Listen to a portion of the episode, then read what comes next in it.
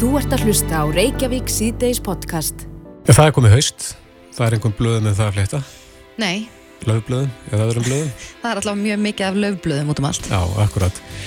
En eh, ég lendi því bæði í gær og í morgun að ég fekk skóartresti, sem sagt einn í gær og einn í morgun á gluggan heima.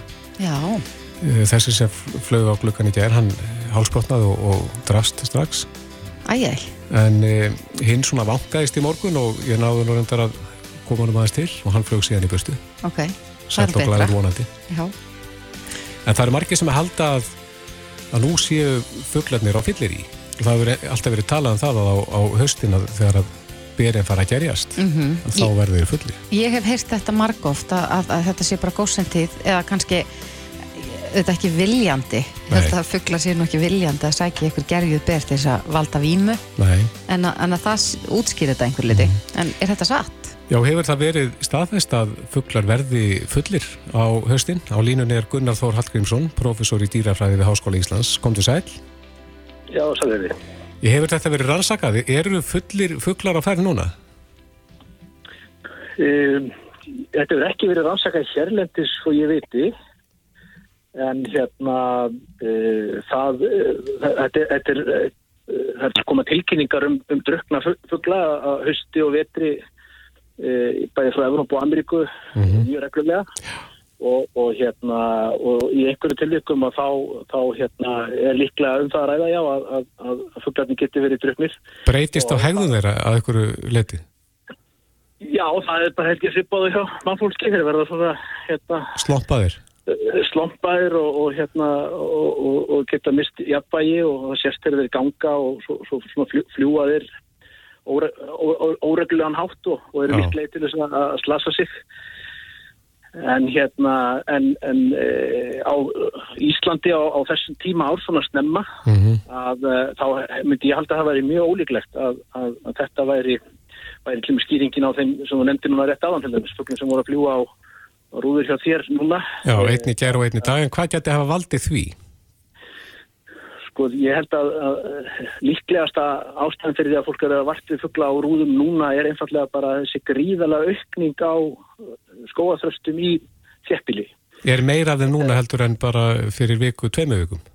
Já, það sem gerist eins og þetta á þessum ástíma er það að pestetni sapnast núna í hópa og þeir eru undirbúa það að yfirgefa landið. Langstæsti hluti af skóaþröstunum eru farfuglar Já. og þau fyrir að fyrir að kólna svona á höstin og, og þá sapnast þeir oft inn í, inn í bæina og, og þeir eru mikið að sækja einmitt í reyniber sem er náttúrulega lang- langsamlega mest af í, í þjeppili Já. og þeir koma semst inn í mjög stórum hópum og, og eh, hérna á Suðvesturlandi að þá, þá náðu þeir mestum fjölda um, um miðjan oktober og fer sé- fer síðan fækkandi eftir það og það er bara, það, það hefur eiginlega ekkert frist og, og þannig aðstæðuna fyrir það að vera með, með gerju ber eru eiginlega ekki til staða. Þetta eru fesk og fín ber sem eru núna og, og en, en testir og aðri smáfuglar þeir eiga það alltaf að hættu að, að fljúa á, á glugga og þegar við erum bara komið með þennan mjög mikla fjölda í einu að þá eru bara líkurnar á því að, að, einhverju fljúa á glugga eru bara orðnum það, já, já fljúa rúðurnar eru bara orðnum það miklar. Já. En þeir eru sem sagt að hópa sama núna þessa dagana í þjættbílinu til að undirbúa brottfur frá landinu. Já, og þeir nýta sér þessi reynibir mjög mikið, þeir alveg gleipa þau í sig og, og Smá orku. Já, já, og, og þeir hérna næ- næstum því tvöfalda þingt sína frá því sem þeir eru léttastir hérna yfir Já. Já. leggja á stað og hérna þannig að, þannig að þeir getur orðið mjög, mjög hérna svona bústnir á þeir en þeir leggja stað En hins vegar varandi þetta að, að fuglarnir verði druknir að, að þá er sem sagt sko uh, þetta er þekktast hjá berjaætum sem, sem að flakka á milli svæða að veturna. Uh, það eru til dæmis uh, fuglar sem heitir silkitoppur og, og í Ameríku samsvarandi tegund líka önnur sem heitir setrustoppa og þetta eru fuglar sem sem að flakka á milli svæða í stórum hópum og Og þegar að svona berjaætur koma kannski seint að hausti eða um vetur inn á svæði þar sem að berur eru búin að hanga og gerjast og ko- koma þar inn og, og guffa þau í sig að þá, þá, þá verður sundum vart við þetta að, að, að lítur út þessu fuglarnir séu druppi og þá, þá bara er, mikið um slís þegar fljúa rúður eða fuglarnir sjálfstjafnvel vakandi og svo framvegis og það er náttúrulega mjög erfitt að mæla þetta í fuglum því að þú verður eiginlega að mæla það og standa það á verki sko eða smóðið koma sko. En, en, en, en hins vegar er, er, hafa verið eh, mælt sko etanómagn í berjum sem að, að fuggla verðast hafa verið að sækja í og, og þar hefur mælt, mælt styrkur sem að, það er að segja erlendis sem að hérna, getur alveg stýrt þetta. Þannig að, að þetta gerist. En, en eins og ég sagði þetta er ekki líklega ástæði fyrir, fyrir þessum fugglu sem eru að fljúa á rúður núna. Hérna, En hafið þið verið með á prjónunum að, að rannsaka þetta? Þetta kom nú til tals fyrir nokkrum árum að, að, hérna, að það eru farið það að, að reyna að mæla í fugglónum sjálfum, bæði í berjum og fugglónum sjálfum. En, en mér vitanlega þá hefur þetta ekki enn verið framkvæmt hér. En, en, en væri spennandi að gera bara svona fyrir fóröldnissækir en mér finnst ekkit ólíklegt að þetta geti komið upp hér eftir líka þegar það líður á höstið eða veturinn en hins vegar hefur mér sínst að, að það sem gerist almennt er það að berin eru meira minna kláruð. Mm. Það er að segja að hérna, lang oftast er það þannig að, að fugglarnir ná að klára megnið af berjónum e, yfir höstið. Já, það er mjög fá, fá reynibér sem, a, sem að hérna, verða eftir fyrir veturinn þannig að ég Þetta er, er yfirleitt sem þetta eins og ég segi, þá er þetta á svæðum það sem er kannski mjög mikið að berjum en það er ekki fugglar að geta þau en síðan þegar eh, koma kannski stórir hópar af eins og silkistoppum eða setrustoppum mm. sem eru að flakka um miklu svæða og koma inn á svæði þar sem eru, eru gerju ber fyrir og, og hérna, verða þá dröfnars. Það Gunnar, ég veit að skóaþrösturinn er í uppáldi hjá, hjá mörgum einstaklega falleru fuggl. Já. Hvert fer hann eh, þegar hann fer frá landinu? Íslenski skóaþestir hafa verið staðfestir alveg frá Breitlandsi, hérna, Skotlandi já, þeir eru bara um Írland, Breitlandsegar og, og norðvestur Evrópu alveg til Portugal Já, já Þannig að hann er svo dreifur, en hann er, er ábyrgandi að, að íslensku skóaþestir að þeir eru sagt, halda sig alveg við allansafið, þeir fara eiginlega ekkert inn í Evrópu samkvæmt mm. merkingum, þannig að þeir eru með svolítið, dreifingu En þeir fara ekki allir? Nei, það er... Eh, Hverji verða eftir? Það er nú góð spurning, nákvæmlega hvaða, hvaða fugglar það eru sem er eftir. Við heldum nú hérna fyrir nokkrum árum að það væri um stórum hluta til ungfugglar sem bara færi ekki á landinu. En, en það er ekki, það er, við vitum það núna að, að til dæmis e, þeir fugglar sem að verpa hér á höfbókarsvæðinu, að þeir eru eins í gertnir á það að vera hérna yfir veturinn. Mm -hmm. Að segja að, að, að þeir, þeir hafa tilningu til að vera staðfugglar. Já, er náttúrulega langt að við, við töluðum hérna við fugglavernd og vorum þá að fjalla um kostningunum fuggl ársins og miða við e, niðurstöðu þessari kostningu og þá var Marju Erlan kosin fuggl ársins. Já. Hvenar á árunu er hún hér? Já, hún er bara yfir sumatíman. Hún er einn af þessi fugglum sem er, sem er algjör farfuggl. Já, Já þannig að maður getur ekki farið að, að fara núna að verða fyrir sér fuggl ársins. Nei, það eru reyndar sko, það eru stökum margirallir eftir en, en á þessum ástíma þá er einna helst að finna það bara í, í fjörum. Já, já. Þannig að, þannig að hérna, við myndum til að skanga fjörur á, á Reykjaneskaða, þá getum við kannski fundið svona einu og eina, svona mm. bara allra síðustu, en, en þetta er eiginlega alveg búið með margirallina, hún er hérna, hún er farin og við fáum hann ekki aftur fyrir, ný, fyrir næsta vor. En snjótillingurinn, er, er hann þá að koma núna eða? Já, hann er staðfugl. Já að, að, að uppistöðunni Hvað? Eh, þannig að Skiptir hann nafn þá yfir sumatíman eða? Já, þann er, er þann, tegundin heitir snjótýrlingur mm. en við kallum hann að sólskríkju á, á já Og, og hérna, en, en þetta er náttúrulega fugg sem að mikið upp til heiða yfir hálendið og svona hljóstruðum svæðum og verpir svona gerðan í, í lágum þjettleika þannig að hann dreifist vitt og breyttu landið við suma tíman en svo þegar þegar við drá harnadalunum að þá, þá myndaður hópa.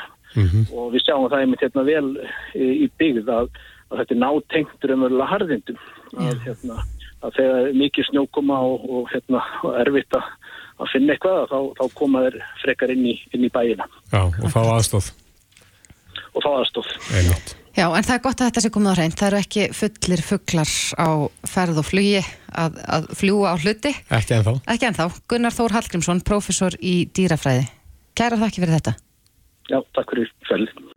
Þú ert að hlusta á Reykjavík C-Days podcast. Þegar klukkan er, eh, ég hana vantar 30 mínútur í 5. Já. Við ætlum að, að í gær kominga Ásker Jónsson, Sælabankastjóri, mm -hmm. til að ræða um stýrivaksta hækkanir. Stýrivexti voru hækkar um 25 punta í gær Já. og uh, þetta hefur auðvitað áhrif mm -hmm. eins og áður. Og var með stýri skilabót til aðeila vinnumarkarinn sem er nú byrjað að tala saman fyrir kjara veraður. Mm -hmm. Hann er komið til okkar, Ragnar Þór Ingolson, formaðið var færr og sem er í Já, einn í þenni stað enn sem komið er í frambóðu til fósettaðis í. Velkomin. Takk. Ef við byrjum aðeins á þessari frétt í gær og þessari hækkun stýrivaksta, hvernig leggst hún í ykkur í verkefliðsreyfingunni? Hún leggst náttúrulega illa í okkur og um, bætir ennþá á vandan sem við stöndum frammefyrir vegna þess að þetta er að auka kostnað okkar félagsmanna, almennings í landinu á allan hátt, bæði fyrirtækin skulda 5.000 miljardar og aukin vaksta kost, kostnaður á fyrirtækin er aukin kostnaður og þeim kostnaði er veld út í verðlæð uh, þannig að uh, og síðan alltaf á lánin okkar þeir sem eru með lán til dæmis og breytilegum vöxtum og, og verðtilegu lánin. Og þetta tala alltaf mjög illa inn í skilabóðin sem að áskerir að senda okkur í reyfingunni að, að aukin kostnaður á heimilinn á fyrirtækin og við eigum að sína einhverja uh, skinnsemi og hóf. Hann sagði reyndar í gæra að, að þetta verkværi selabankas er farið að býta. Það er lungum farið að býta. Það sem að, sérstaklega það sem að verðtrið lán er á undanhaldi og óverðtriðu lánin svona þetta náttúrulega býtur mest að þau. Já, fólk er núna farið að flýja yfir í uh, verðtriðu lánin á nýjanleik. Mm -hmm. Það sem að selabankin er að gera, og við skulum kannski horfa hans tilbaka, að uh, þá er húsnæðisliðurinn, húsnæðisverðið, það sem keirir áfram verðbólgu hérna á Íslandi. Uh, hún væri næst minnst verðbólgan hér og eftir Sviss ef ekki væri fyrir stöðuna á húsnæðismarkaði. Og þegar uh, Sælabankin fer í vakstalækunarferlið og inn í síðustu kjærasamningum þá átt að þrengja til dæmis að verðtrykkingun og verðtröðulánunum og kom ekki með neinar mótvæðis aðgerð og það var ekki gert, það var enga mótvæðis aðgerðir sem að uh, gerir síðan að það að verkum að það verður áhlaup á fastegnamarkað á þess að frambóðs aukið og áhlaupið á fastegnamarkaðin með bæði nýjum kaupendahópi sem að gæt þá komist inn gerir það verkum að fastegna verðið uh, fer algjörlega á böndunum. Þannig að Sælabankin er búin að vera breyða yfir þessi mistök án þess að hafa komið með mótvæðisækjarir og sömulegis uh, reyninni aðgerraleysi stjórnvalda á húsnæðismarkanum með gengdarlösum stýrivakstahækkunum sem að á sér eh, engan samanburð við þau lönd sem við berum okkur gerna sama við. Eh, og eh, það hefði verið hægt að fara allt aðra leiðir þar að segja. Það hefði verið hægt til dæmis að þrengja mun meira að nýjum húsnæðislánum meðal annars með því að stitta lánstímanir í 30 ár það hefði gert það að verkum að áhlaupið hefði ekki orðið eins skart eins og það varð uh, og svo framvegs og, og gera síðan það sem Sælabankin gerði allt og seint að það er að þrengja að uh, veðlutullum. Það hefði mátt fara aðra leiðir heldur en að fara þessa leið. Og ég les bara þannig í stöðuna að, að uh, hér er bara að eiga sér stað tilfæsla frá almenningi yfir í fjármálakerfið. Þannig verið að slá skjálborgum fjármálasegundur og fjármálakerfið aftur sem aftur hefur sko, skilað miljandi hagnaði og á síðan að fara að varpa uh, ábyrðinni aftur á uh, launafólk og það bara gengur ekki upp vegna þess að uh, kjærasamningarnir og okkar launahækkun í kjærasamningum er okkar, segja, okkar svar við þeim kostnæðarhækkunum sem við verðum fyrir. Fyrirtækin varpa kostnæðarhækkunum sínum algjörlega og, og, og, og hérna, beint út í verðlæð og ég vil meira til Eh, við höfum bara eh, kjærasamningana til þess að velta okkar kostnaðahækunum út í okkar verðlag sem eru launin okkar. Og ég er ekki vissum að hvorki okkar félagsmenn eða við sem hér sitjum við þetta borð sem tilbúin til að taka á okkur eh, einhverja kjæraskerðingar þegar að ekkert í okkar samfélagi gefur til kynna að nokkur, nokkur ekki eitt einasta fyrirtæki hvorki stjórnvöld, útflutningsgreinarnar eða neitt, eða talunum ekki um fjármálakerfið hafi synd vott af aðhaldi eða samfélagsápið í því ár, árferði sem við erum að gangi í gegnum. Þvertamóti e, hafa fyrirtækin verið að auka arsemiskröfu sína, álagningu og hagnað. Hér stærna argreslur í 200 miljardar á þessu ári. Arjónbanki tilkynnti um uh, hækkun arsemiskröfu í 10 og upp í 13% og svo mætti lengi telja og hér byrtast síðan fréttir að um 60% fyrirtækja uh, er að skila meiri hagnaði heldur að það reiknum með eða meiri hagnaði heldur en síðast ári. Það er engin, það er engin uh, sem er, segja, ráðandi eða okkar mótalum sem er að, að sína nokkra ábyrð á stöðunni. Síðan kemur Sælabanki Sælabankastjórun fram og segir að nú sé boltin hjá okkur. Við eigum að sína aðhaldið og ábyrðina eh, ég segja móti þetta fólk verður að praktísera það sem það predikar. Byrjum þar og byrjum á því að eh, finna fyrir vott af einhverjum skilning á þeirri stöðu sem að launafólk er í dag þá skulum við kannski hugsa málið en á meðan staðan er svona að þá er ekki hægt að fara fram á það að við í verkefliðsreifingunni e, e, förum ekki fram með þá lámaskröfu að e, er kostnæðarhækkanir sem við verum að verða fyrir bæði gegnum lánin okkar, vakstahækkanir og verðlæð að við sækjum það að fullur hörku í næstu kjærasamningum. Mm -hmm. Nú erum við búin að sjá sko, margar hækkanir upp á síkast á, stýrvöxtunum og, og uh, hann Ásker Jónsson er bara um tíðum gestur hér að ræða um það því miður en er, er þetta sennilega eins og olja á eldin og bara kveikir báli ykkur um að, að vilja sækja harðar fram? Að sjálfsögðu, uh, ef við tökum skuldir fyrirtækjana bara, eins og ég nefndi þann 5.000 miljardar og nú hafa stýrivægstæði hakkað síðustu 13 mánuði um 4,75% á 13 mánuðum. Og verðbólka allstæðir í kringum okkur er uh, svipuð ef ekki meiri og þar hafa stýrivægstæðahækkanir uh, ekkert verið í líkingu við það sem hefur verið gert hérna. Segjum bara að 4% af þessum hækkunum skilir sér út í aukna greiðslubyrði á skuldum fyrirtækjana á 4.000 miljardar.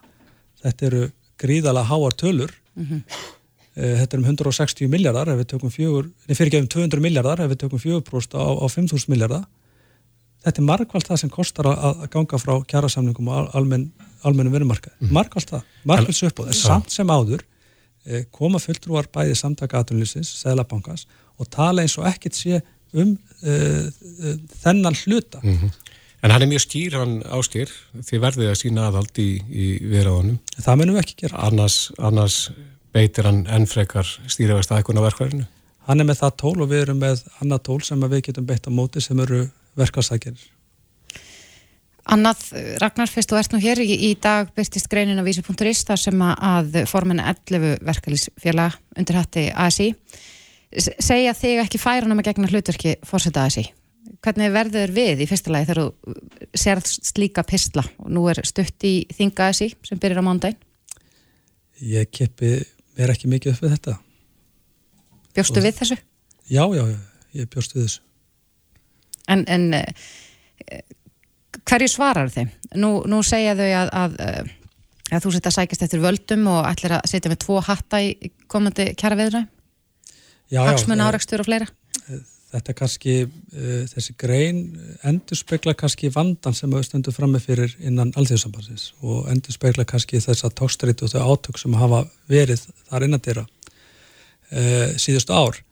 Og uh, það er í sjálfsveit að svara þessu öðruvísin það, öðruvísin því að, að við erum að fara inn á alþjóðsambanstingi núna á mánudagsmorgun og það verður kosið um nýja fórustu alþjóðsambansins á miðugudaginn aðskomandi Eh, þar er fulltrú að líðræði, þar er um öllum frjálst að bjóða sér fram.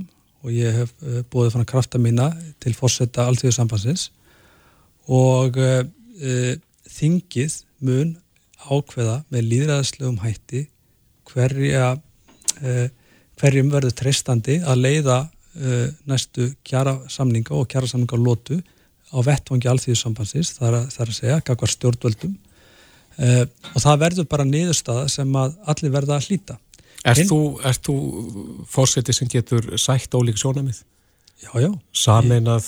Og, og þetta er kannski uh, lýsisholdið kannski verkefninu sem er framöndan og hversu krefjandi það er vegna þess að, að eh, fórsetið alltíðarsambansins þarf að vera sammenningatán og hann þarf að geta unni með öllum Sumi finnst þið vera svolítið átakamiðuð Já, það, það, það er sjónamið það eru sjónamið í þessu allstaðar og fólk mm. hefur missefna skoðanir á mönnum og málefnum.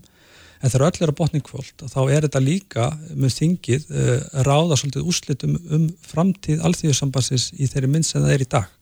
Og við þurfum bara að horfast í augu við það.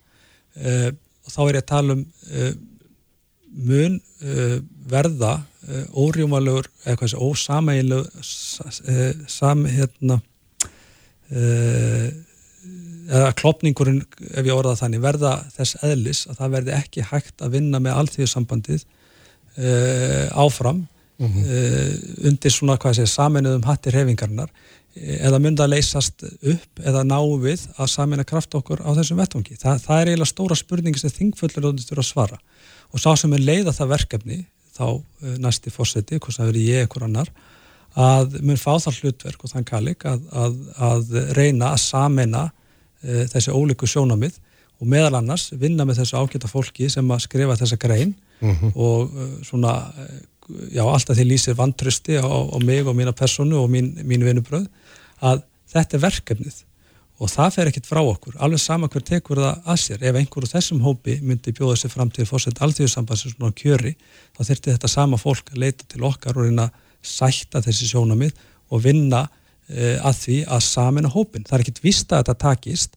en það er alveg áða reynandi vegna þess að ef okkur, ef, ef okkur text að samina þennan kraft sem er innan reyfingarnar að þó að þetta fólk sé ósamála mér og þó að það skrifi niður til mín að þá veit ég það bara í hjarta mínu að, að það, er, það er enginn þarna inni sem vil verka og láleina fólki eða bara almennu launa fólki eitthvað illt. Það vil gera gagn og það vil ná góður í niðurstöðu.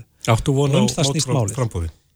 Já, já, ég, og ég vona það vegna þess að það er alltaf gott að fá kostningu. Uh, ég, ég myndi freka vilja fá mótframbóð og fá kjör og kostningu uh, eða ekki, frekar heldur en að fá sjálfkjör. Ertu sjálfkjörin ef enginn byrður sér fram á mótir? Já. En, en þetta snýst ekki bara um mig eða, eða fórsetta stólinn sem slíkan. Þetta snýst um það hvernig mun fórist alltíðusambansins raðast upp eftir þingið og það mun svolítið ráðast uh, sko af því hvort að uh, alltíðusambandi verði bara starfhæft eftir þingið eða ekki. Og þá þurfum við bara að taka ákvörðinu um það að, að uh, og bara sætt okkur henni við það að þetta er ekki vettfangur sem við getum farið saminuð fram. Og þá þurfum við henni bara að fara fram sem einstök stjættafélög gagvart samtöngum atvinnlýsins og við getum þá væntalega ekki eh, rekna með því að ná breyðri samstöð um mikilvægar kerfisbreytingar í okkar samfélagi, svo til dæmis húsnæðismálin, mm -hmm. eh, vakstamálin og mörg þjóðþrifamál, leiguðsak og ýmstett annað sem við höfum verið að vinna að. Eh, þetta er það sem er í húfi, ekki persónuleikundur. Já, það, eh, þetta hefst á mánudaginn, þingið og hvenar eh, verður síðan kosið í, í ennbætti? Eh, kostningar munu hefjast um eitt litið á miðugudag og síðan eh, mun það vantala ráðast eh, hversu, já, hversu mörg frambóð verða og, og, og þetta er kosið til fórseta, þrjá varafórseta og svo í miðstjórn og svo í varamiðstjórn. Þannig að þetta getur tekið tölverðan tíma og gæti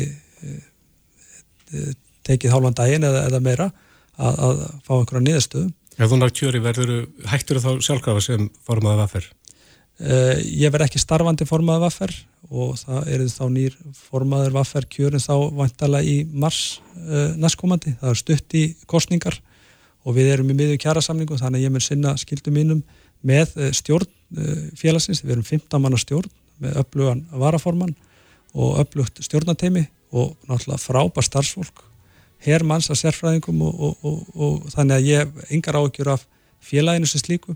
Félagsmenn vaffer hafa alla börið til þessa að velja sér eh, öfluga fórustu ef að þetta verður niðurstað. Akkurat. Já, Ragnar Þór Ingólfsson, eh, formadur vaffer. Gera það ekki fyrir komina. Já, takk sem leðis. Þetta er Reykjavík C-Days podcast. Jæja, Reykjavík C-Days heldur áfram.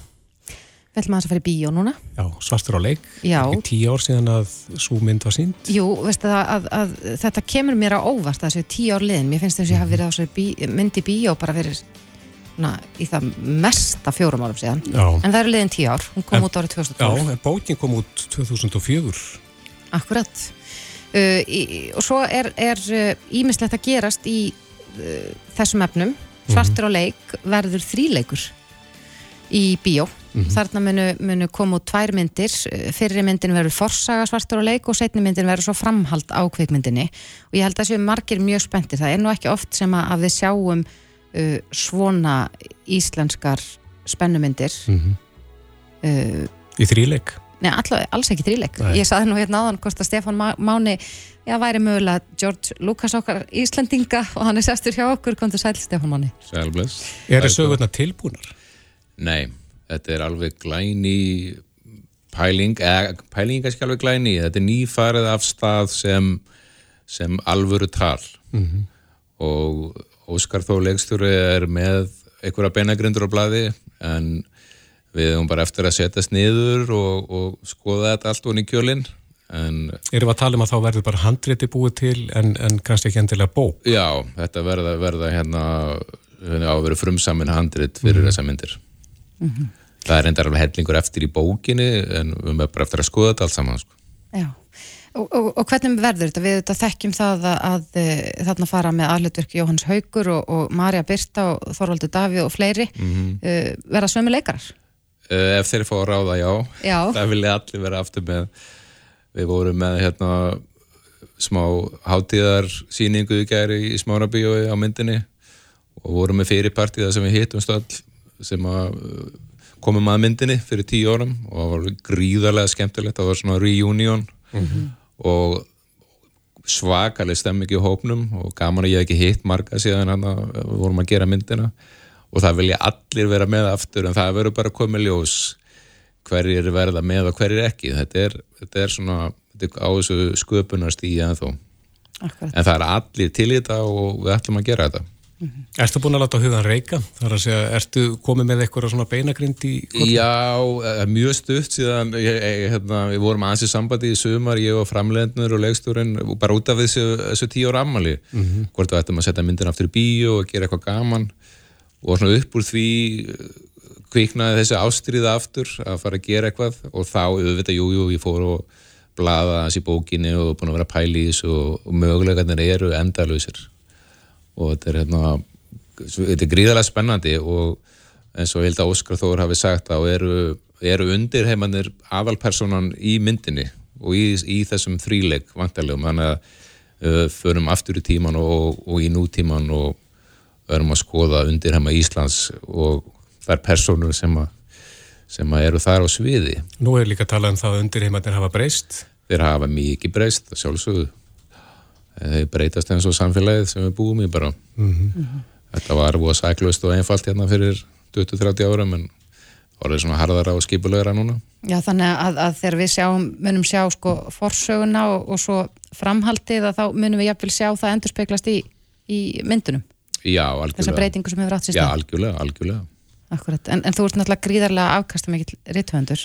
Já. Þú hefur gefið út 24 skálsögur. Já, Kristófur var að segja mig það, ég hef búin að tapa tölun, það er að verða 25 eða 26, ég veit ekki hvað, ég er komið með nýja bóku til tvær vikur og hún verður annarkot nummer 25 eða 26, þannig að e, þetta er, hérna, ég lít svo sjaldan um auksl, en e, þetta er orðið ansið mikið, en líka langu tími og allt það. Mm. Segð okkur aðeins af bókinni sem er að koma út. Já, kemur ný bókum Hör Grímsson eftir cirka tvær vikur og hann er líka á leiðin í bíó.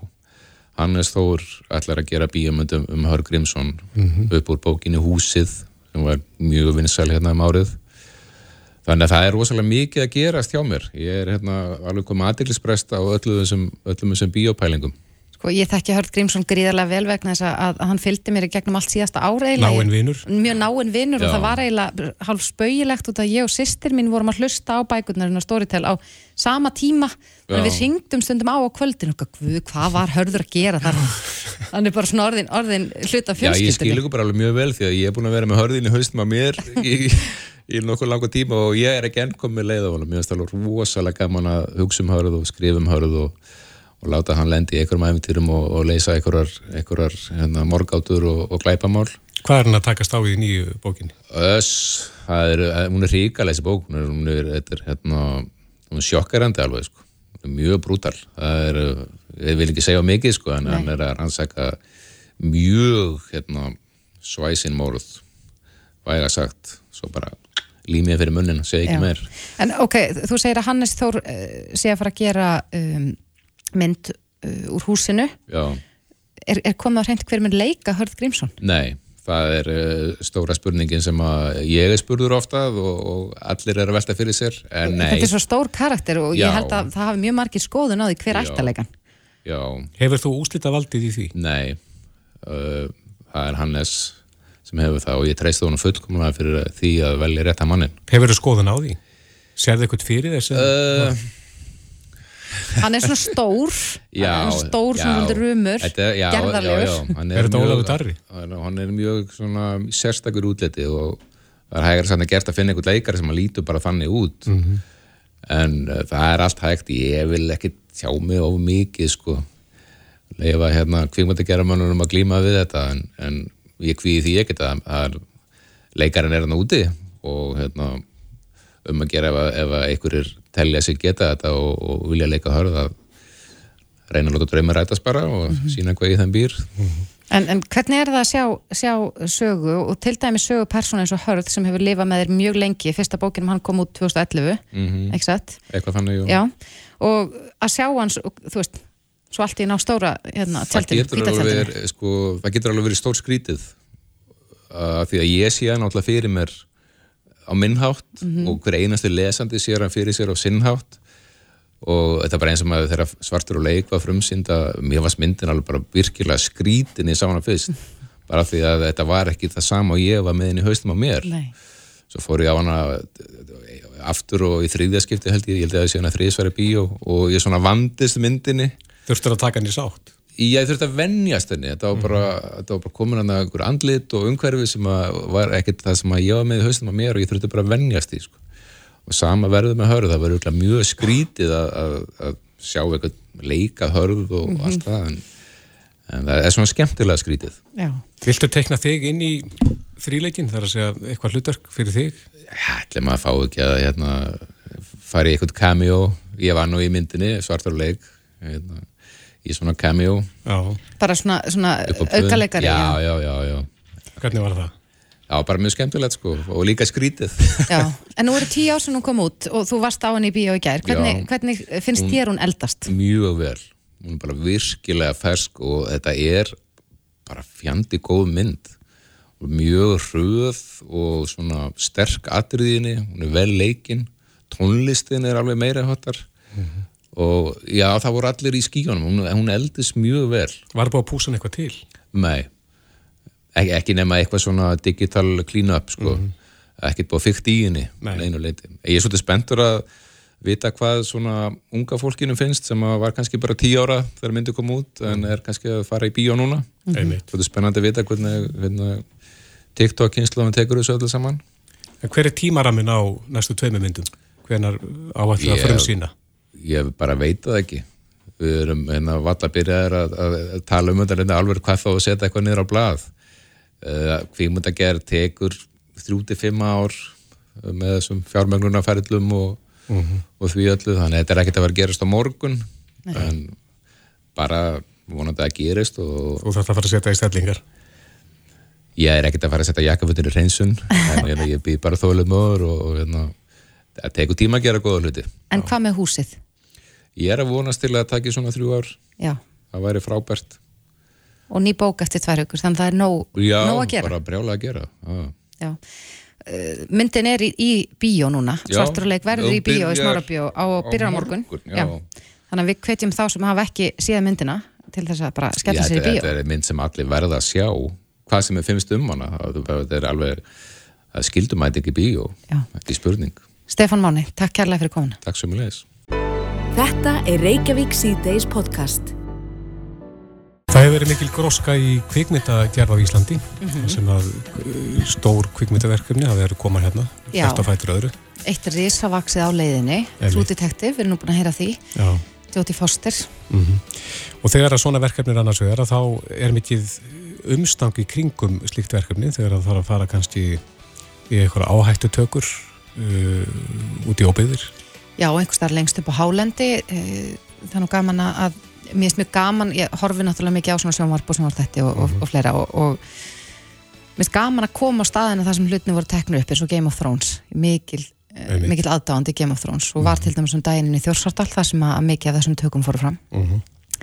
en uh, þessu fylgir auðvitað líka ákveðin áhætta og uh, það þarf að gangu skuggum það að allt sé með feldu mm -hmm. og ef einhver slís verða þá eru oft já, einstaklingar á vaktinni sem að, að uh, bráðatæknar sem að fylgjast með. En eitt og það er fyrirtæki sem að býður út slíka þjónustu náttúrulega þessar helbíðistofnarnir get ekki verið að senda sjúkarabíla í, í slíku verkefni en, en það er fyrirtæki sem að uh, býður upp á slíka þjónustu og hann er komin hérna til okkar Arnar Pál Gíslason, bráðatæknir að Paramedic velkomin. Kæra þakkir.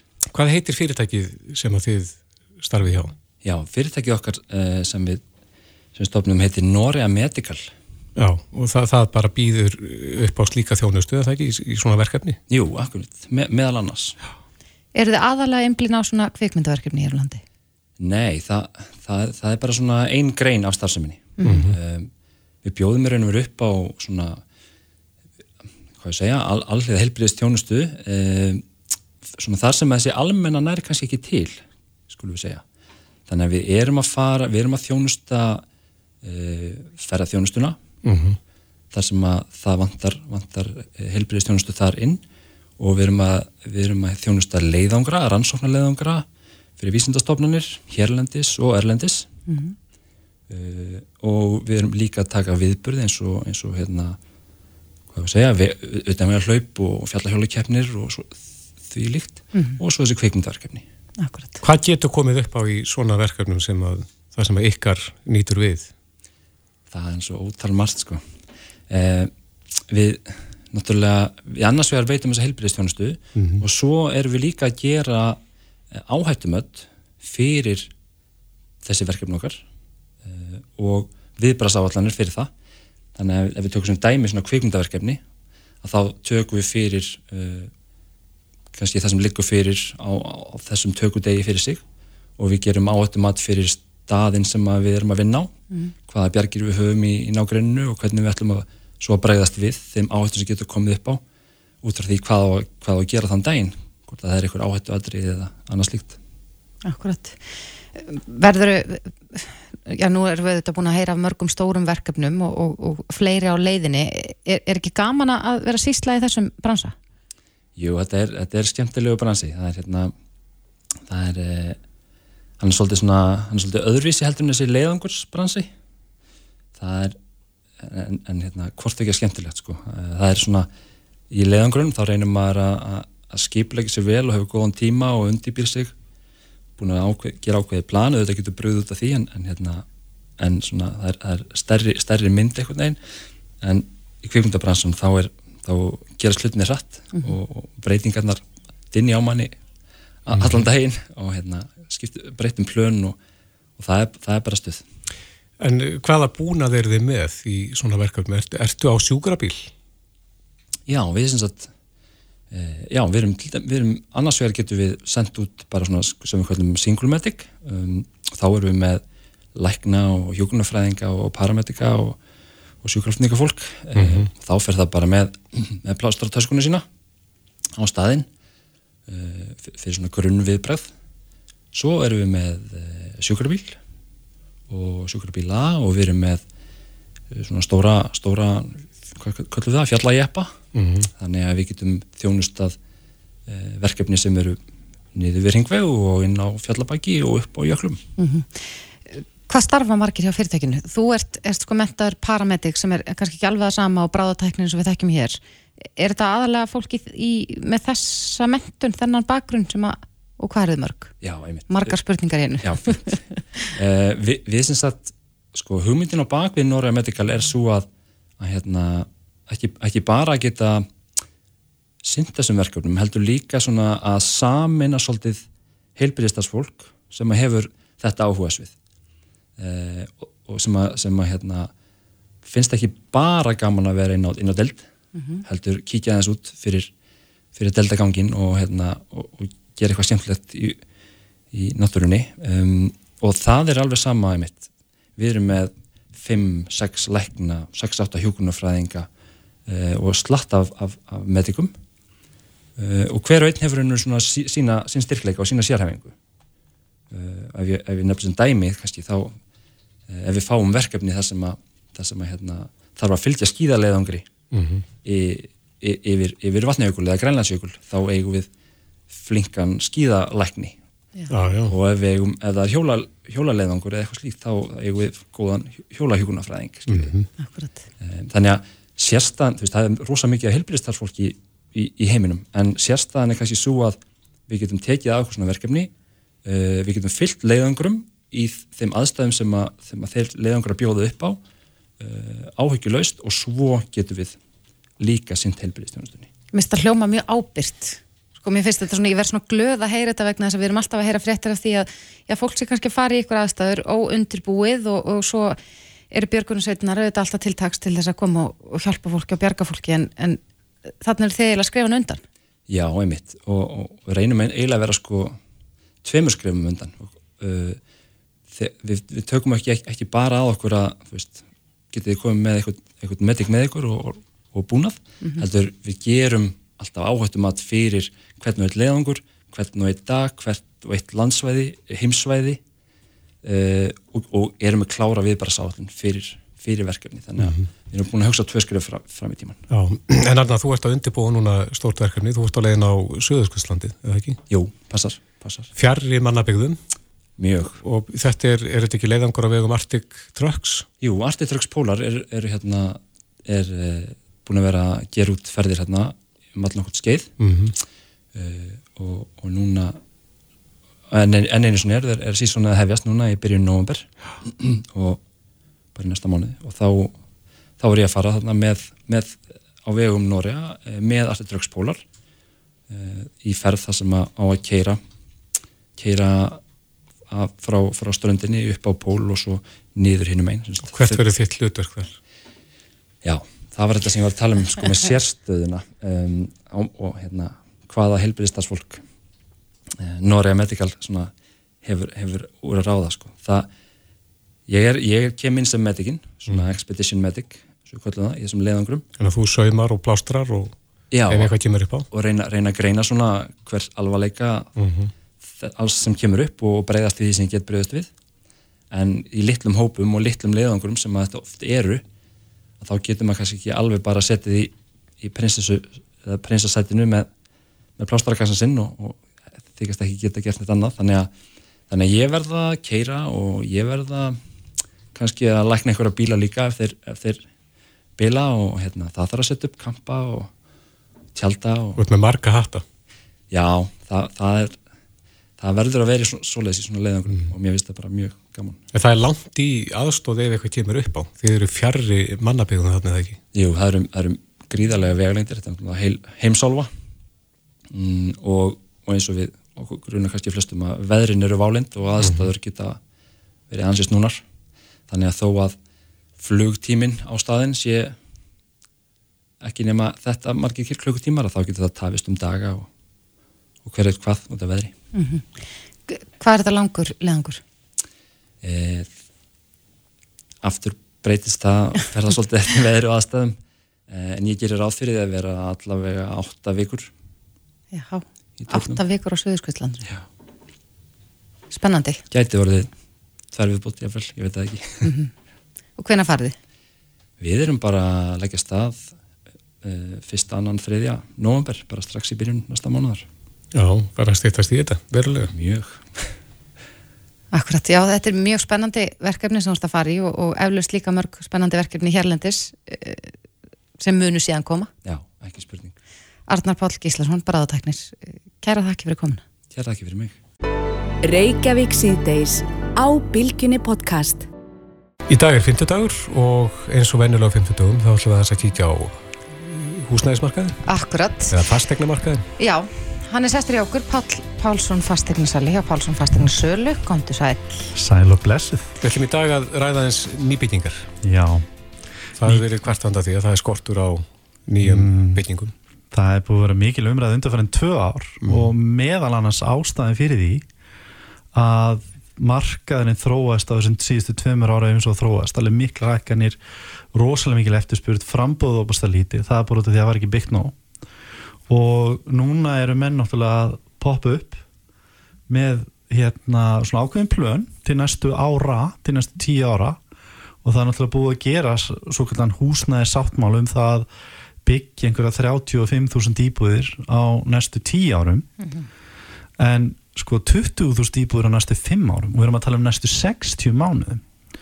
Og til að setja það í samingi hvað 35.000 íbúður er mikið og hvað 20.000 íbúður er mikið að þá eru til dæmis það eru 57.000 íbúður í Reykjavík. Já, og við erum að tala um sko meiri uppbyggingu heldur en sko raun og verið hafnafjörður Garðaborg Kópói til samans. Já, þannig að það eru spennandi tímar framöndan og þannig að sko og það er svona er verið að gera áallaninn til dæmis um hvað er að koma mikið inn á markaðan á næstu missurum sko. Eitt sem að ég bara velti fyrir mér þegar ég heyri þetta nú er mm. gríðlega oft talað um, um sko, ég er hreinlega skort á starfsfólki. Já, eigum við mannskap til þess að byggja allar þessar íbúður? mm, stuttumáli nei. Nei. Uh, hins vegar er náttúrulega sem fylgir þessari þróun er náttúrulega við erum kringum 376.000 manns í dag. Og það er verið áallega að við förum upp í cirka 440.000 manns í, á næstu tíu árum. Og bara frá 2021 og það er mér fáið sem vita þetta þá hefur Íslendingum eða semst fólk búsett á Íslandi fjölgað um næri 10.000 manns og þar af náttúrulega um 7.500 til 8.000 útlendingar Akkurat. og það liggur fyrir að það þurfa að flytja næstu í 80.000 manns til Íslands til þess að þjónusta það sérstaklega byggingageran annars vegar og ferðarþjónustan hins vegar En nú ert þú fasteignarsæli og það sem hefur valdið, eða talið hafa valdið þessari hækkun af fasteignaverði er skortur. mm -hmm. En núna með þetta framöndan, Já, hvað gerist þá varandi húsnæðisverð? ég hef alltaf ég, hef sjálfur spáð því að við erum að horfa svona tíma, sko ef ég horfa til lengri tíma þá er ég ennþá þeirri skoðun á markaðurinn á svona 5-10 tímbili er að hækka um svona 8-10% ári að meðaltali sem hann hefur gert frá árunum árun 2000, 22 ára síðan. Og ég held að það sé svona áfram mín langtíma spá en auðvitað við að horfa mjög svipa tíma núna næstu tveimur árum eins og við erum búin að sjá eins og við sáum á árunum 2018 og 19 þar sem fasteinamarkaðan hækkaði ekki og raun og veru kom smá tímabil árið 2019 þar sem var offrambóð, það voru 700 íbúðir nýbyggingar íbúðir sem stóðu tómar. Þannig að það varði rauninu mjög stutt. En náttúrulega með hækkandi launum og hækkandi að, sko, aðfengum að verð byggingkostan hækka þá held ég að, að nýbyggingarna sem verðar sem styrir að koma markaðin á næstu þremur, fjórum árum þar verða á töluvert herra verði heldur semst fermetræfi heldur en það er í dag. Og við erum að horfa það sem kemur til dæmis á þessu ári, bara svona til samanbörðar það kemur um einhverja 12-13 íbúður á markaðin en nýbyggingar íbúðum sem er mjög lítið. Næsta ári um 3500 íbúður 3400, 500, 600 eitthvað svo leys árin eftir það svipað. Þannig að það er að koma mjög mikið og nota benni að 70% af þeim sem hafa verið að kaupa nýbyggingin hinga til er fólk að koma um einhver annar eign. Þannig að það er að losna önnur eign Akkurat. líka markan þannig að, þannig að sko ég held að hækkunin verður svona þroskaðari á næstu 3, 4, 5 árum. En svo málu búist því að það verður mjög sko þegar sko svona setni hlutin á þessu 5 ára tíðanbili ef við erum honum að 20 íbúðir að þá muni sko allavega mín spá að verður hækkunum kannski svona bílinu 8 til 15% en þetta er náttúrulega bara einhver Nostradamus spá en ég er með einhver rauk fyrir spánni Akkurat, en, en sko allar þessar íbúður sem að á að byggja á næsta árum 35.000, Já. sér það ekki um, hvernig er þetta skipt um landið? Er, er meir hlutin á þessum íbúðum hér á Suðvesturhorninu? Já, staðistu hlutin er náttúrulega allavega, þetta skemmli tíma er náttúrulega Kópavur og Reykjavík uh, Hafnafjörður er í dag að byggja mest hlutastlega, þess að aukningin er mest hjá Hafnafjörð í dag. Þeir eru að byggja einhverja, eru með einhverjar 2000 íbúðir í byggingu núna. Og það er náttúrulega einu, á Skarslíðinu þar og Áslandinu og út frá völlunum á því svæði. En vissulega er þetta, ég meina það er einhverja 1000 íbúður á Akureyri. Það er einhverjar 12-1300 íbúður að með minnir í Árborg sem dæmi. Þannig að það er líka eftirspurni eftir húsnæði út á landi þó hún sé ekki eins mikil eins og er í bænum. Þannig að 70-80% er enn auðvöbruksvæðinu Já. hvenær verður þetta, þetta svæði uppselt? Ég sé ekki fyrir mér að við komum fyrir öllum þessum íbúðum. Hérna það er náttúrulega mikið skrafað um það sko hvort að byggja hér. Þannig bara í þessari viku það sem var að feld til að sjálfstæðismanna hér í borginum um að hefja uppbyggingu á geldinganesi. Já, eigum við mikið pláss eftir uh, Náttúrulega vonastjarn okkur höfuborgarsson er Hafnafjörður og Mossbær mm Mhm. Seldiðanes það er mjög lítið eftir. Kópúur, það er mjög lítið eftir. En þá fara menn náttúrulega í þess að þéttingareiti og byggja náttúrulega upp. Ég hef alveg líka hugsað þetta býtu Hafnafjörður, Garðabár og Kópúur þetta er samans, hvar, hvar á að koma þessum íbúðum fyrir sko? þannig að hérna en það verður bara að blanda af þéttingu og náttúrulega svo eru reytinun á milli eins og blíkastælandi, það er að segja staðurinn á millirinn eru grafahús og mósusbæður, Já. mjög spennandi staður. Mér finnst alltaf jafn merkilegt þegar ég er að keira sko uh, að austan og í bæinn eins og frá Selfoss og Reykjavíkur þegar maður er hérna hjá Vívilsfelli og þá kemur skilti, Kópavógur Já, að þá er maður komin inn, inn fyrir bæjamörk Kópavógs bara Einmitt. þarna. Rétt eftir litlu kafistofuna. Já, akkurat. Er framtíðarsýnin þannig að það verði bara mögulega byggð þarna? Eflaust, það er ekki skipula í dag ég veit, en það er náttúrulega húsana það eru, það er fólk sem býr þarna verið í dag, Mhm. í mjög fallegum stórum húsum, mér sé sjálfur komið eitt af þessum húsum. Hvar Og eru þau hús? það er að segja áttina frá Norlingaholti og aðrunur litlu em, og ég veit Kristoffer að þú keirir fram í hann reglulega. Já, já. og þá getur þú séð bara og leikur að því að skoða í kringu hvað er mikið að húsakostum á Það er ábergsbrekkun og þar. já, passar Já, Þannig að- þetta, ég hef alltaf hugsað þetta þegar ég keira þarna fram hér svo skilti út af því að mér finnst svo skrítið þessi Kópavógur og svo sem Mhm. fer maður í Norlingaholt sem er Reykjavík og hvort að, að þetta verði einn daginn þannig Já. að þarna verði bara hús við rætur að byggja á. þannig að landsvæði og svo náttúrulega í áttina náttúrulega Það er rókraskat. þú sagði það ekki ég En eh, hvað með tegundir af íbúðum? Það er að segja, er verið að spá í það? Hva, hvað vantar? Þryggja herbergja, tveggja herbergja? Já, það er nefnilega, það, þeir eru að sitja upp að HMS, eru þeir að sitja upp svona mælaborð, Mhm. þar sem að almenningu getur fylgst nákvæmlega með hvað er verið að byggja, hvað er verið að byggja, á hvað byggingastöðum einhvern veginn eru. Það ætti að vera að koma inn á, á næstu missirum.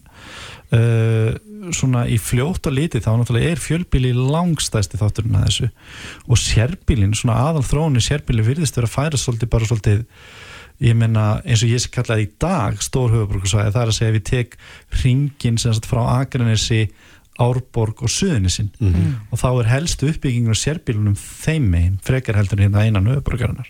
Akkurat, en já, þetta er þetta í, í, í mörg horn að líta en, en eh, ef við hu- hugum að því að sko, þetta eru mestmægnis fjölbýlishús mm þýðir það að, að, að sérbílin verða bara slíkri muna að verða á þeim geti mögulega rókið upp ef, að, ef við erum bara byggja fjölbýlishús.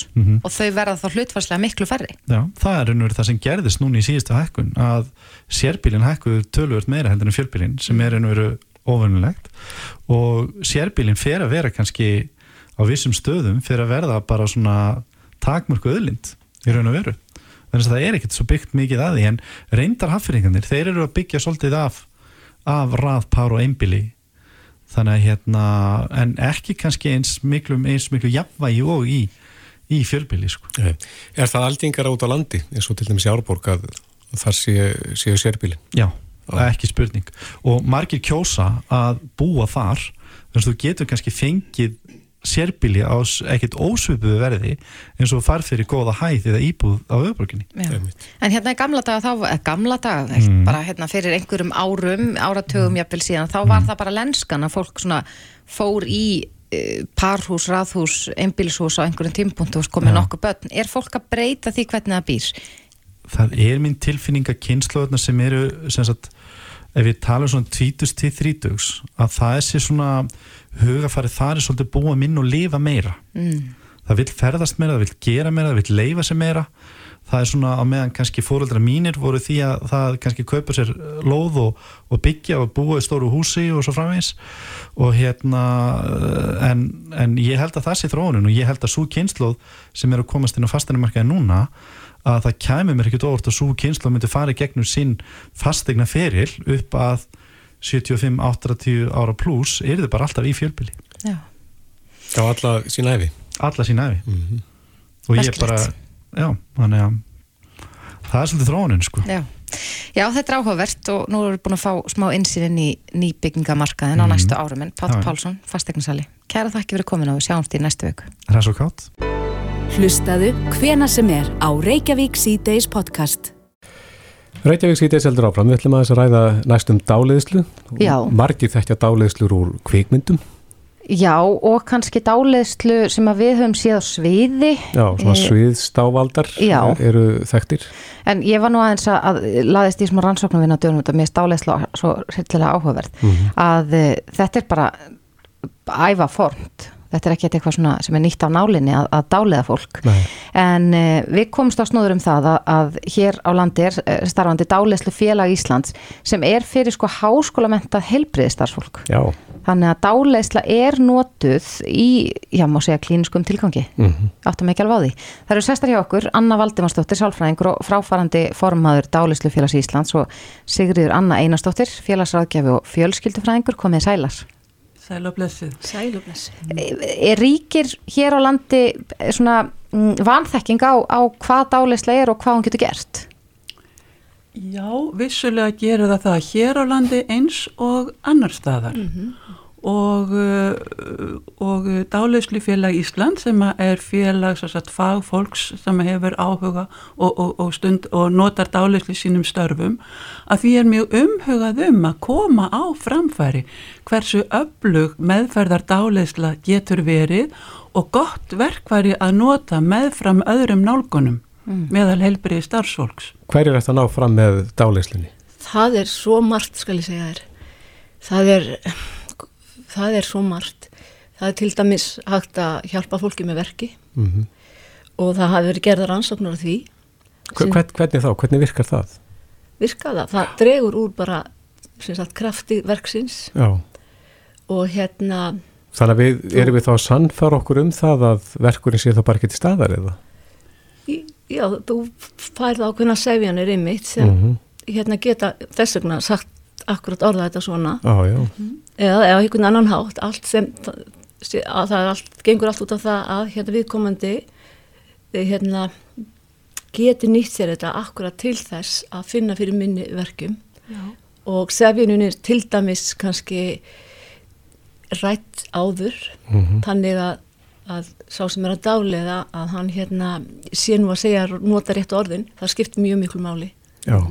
Akkurat og mér langar bara, já, já, í lagi. ég bara get ekki stilt mig um að, að skjóta hér inn í að ég hef persónulegt reynslu af því að vera dáleitið verkjum Mhm.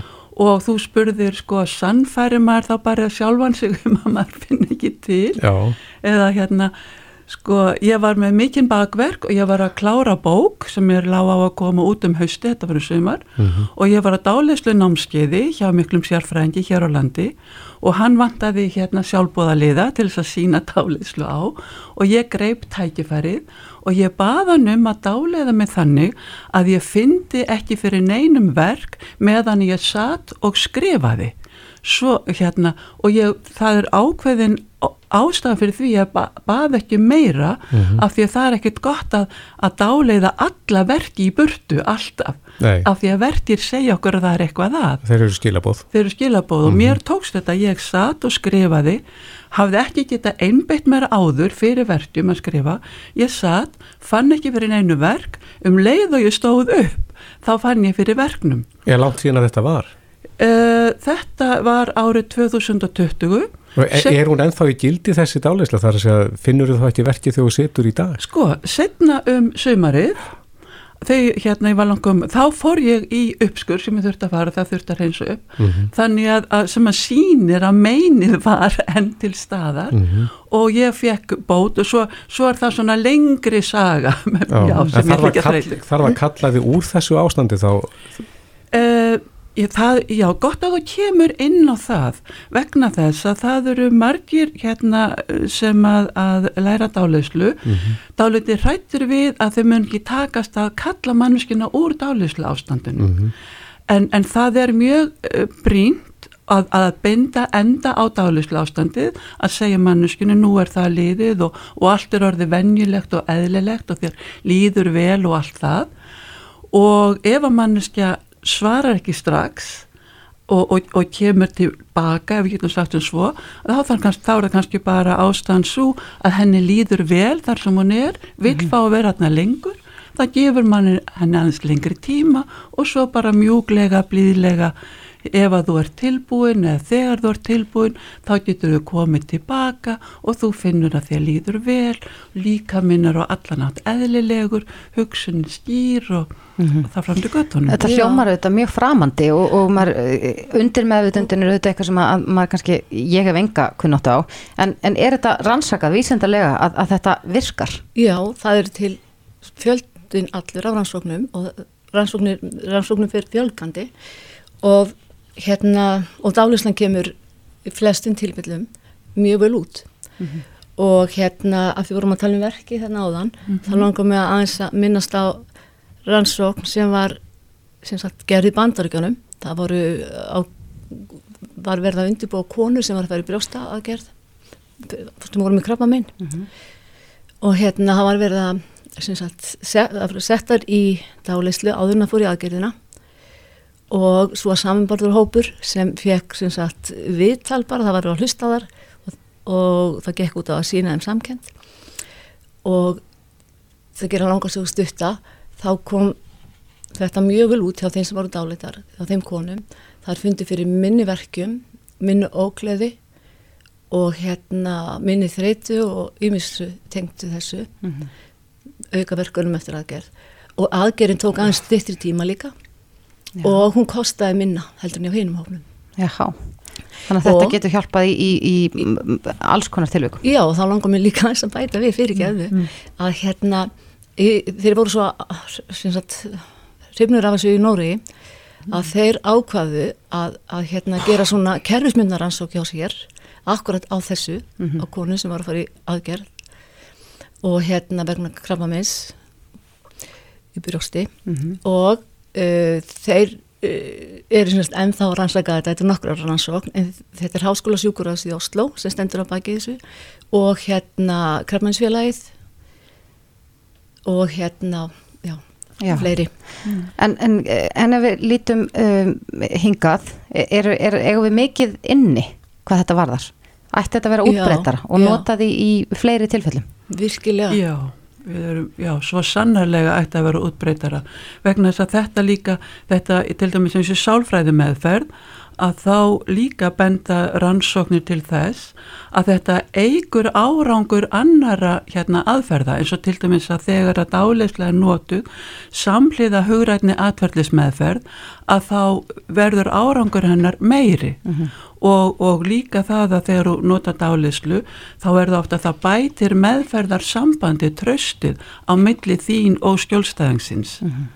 Þa, þannig að, að það er mjög mikið lástað til þess að og dálisla gengur líka svo mikið út af það að, að kunna að nota mjög árangursrík tjáskipti til þess að ná, til þess að tala til manneskjunar og ekki síst að, að sneiða fram hjá þessum úrtölu röttum hugans. Já, við já, kannumst mm. öll við það að við kannski erum að reyna að sannfæra einhvern um eitthvað og bara í huga viðkomandi hljóm var nei ég get það ekki, það er ekki að marka þetta er ekki svona auðveld mm -hmm. en þegar að, að mannesker í dálislu ástandi þá er það frekar að, að þessi hluti hugans, þessi meðvitaði hugur, hann svona er óvirkari en hinn er ómeðvituðu ferlar hugans virkari sem er tilbúinir að trúa mm. því sem að kemur þeirra gagni og taka inn Já. En uh, þið eruð að flytja inn reyndan dáleðara uh, og verðið með námskeið í endurmentun Háskóla Íslands fyrir, fyrir sagt, uh, háskólamenta heilbriðstarfsfólk. Eruð það að reyna að fá fleiri Já. hópin til þess að ytka þetta hér á landi? Já. Það, það, það væri mjög gott. Það, þetta sko, rannsóknir sína það hver að fætur annari að, að dálislega er að skila árangri. Við hvetjum þá sem er að hlusta og, og, og uppfylla þær kröfur til þess að sækja þetta námskeið, Já, til þess að það, kynna sér það. Það. Það byrjar á morgun, mm -hmm. uh, er frá 9-5 í endurmyndun Háskóla Íslands og þetta er í samfunni sem þetta Dálislu félag Íslands og alþjóða samtök Dálislu sem að er heilbriðis starfsólk Háskóla menta og þetta er mjög góður og skemmtileg margar ára reynslu og og alls konar verðlun Ískilig Já, Já Anna Valdemarsdóttir komst við mér ekki lengra sinni. Tíminn flýgur frá okkur en Anna Valdemarsdóttir og, og Sigurður Anna Einarsdóttir. Við þakkum okkur kærlega fyrir komuna. Já, takk, takk fyrir, takk. Reykjavík síðdeis á bylginni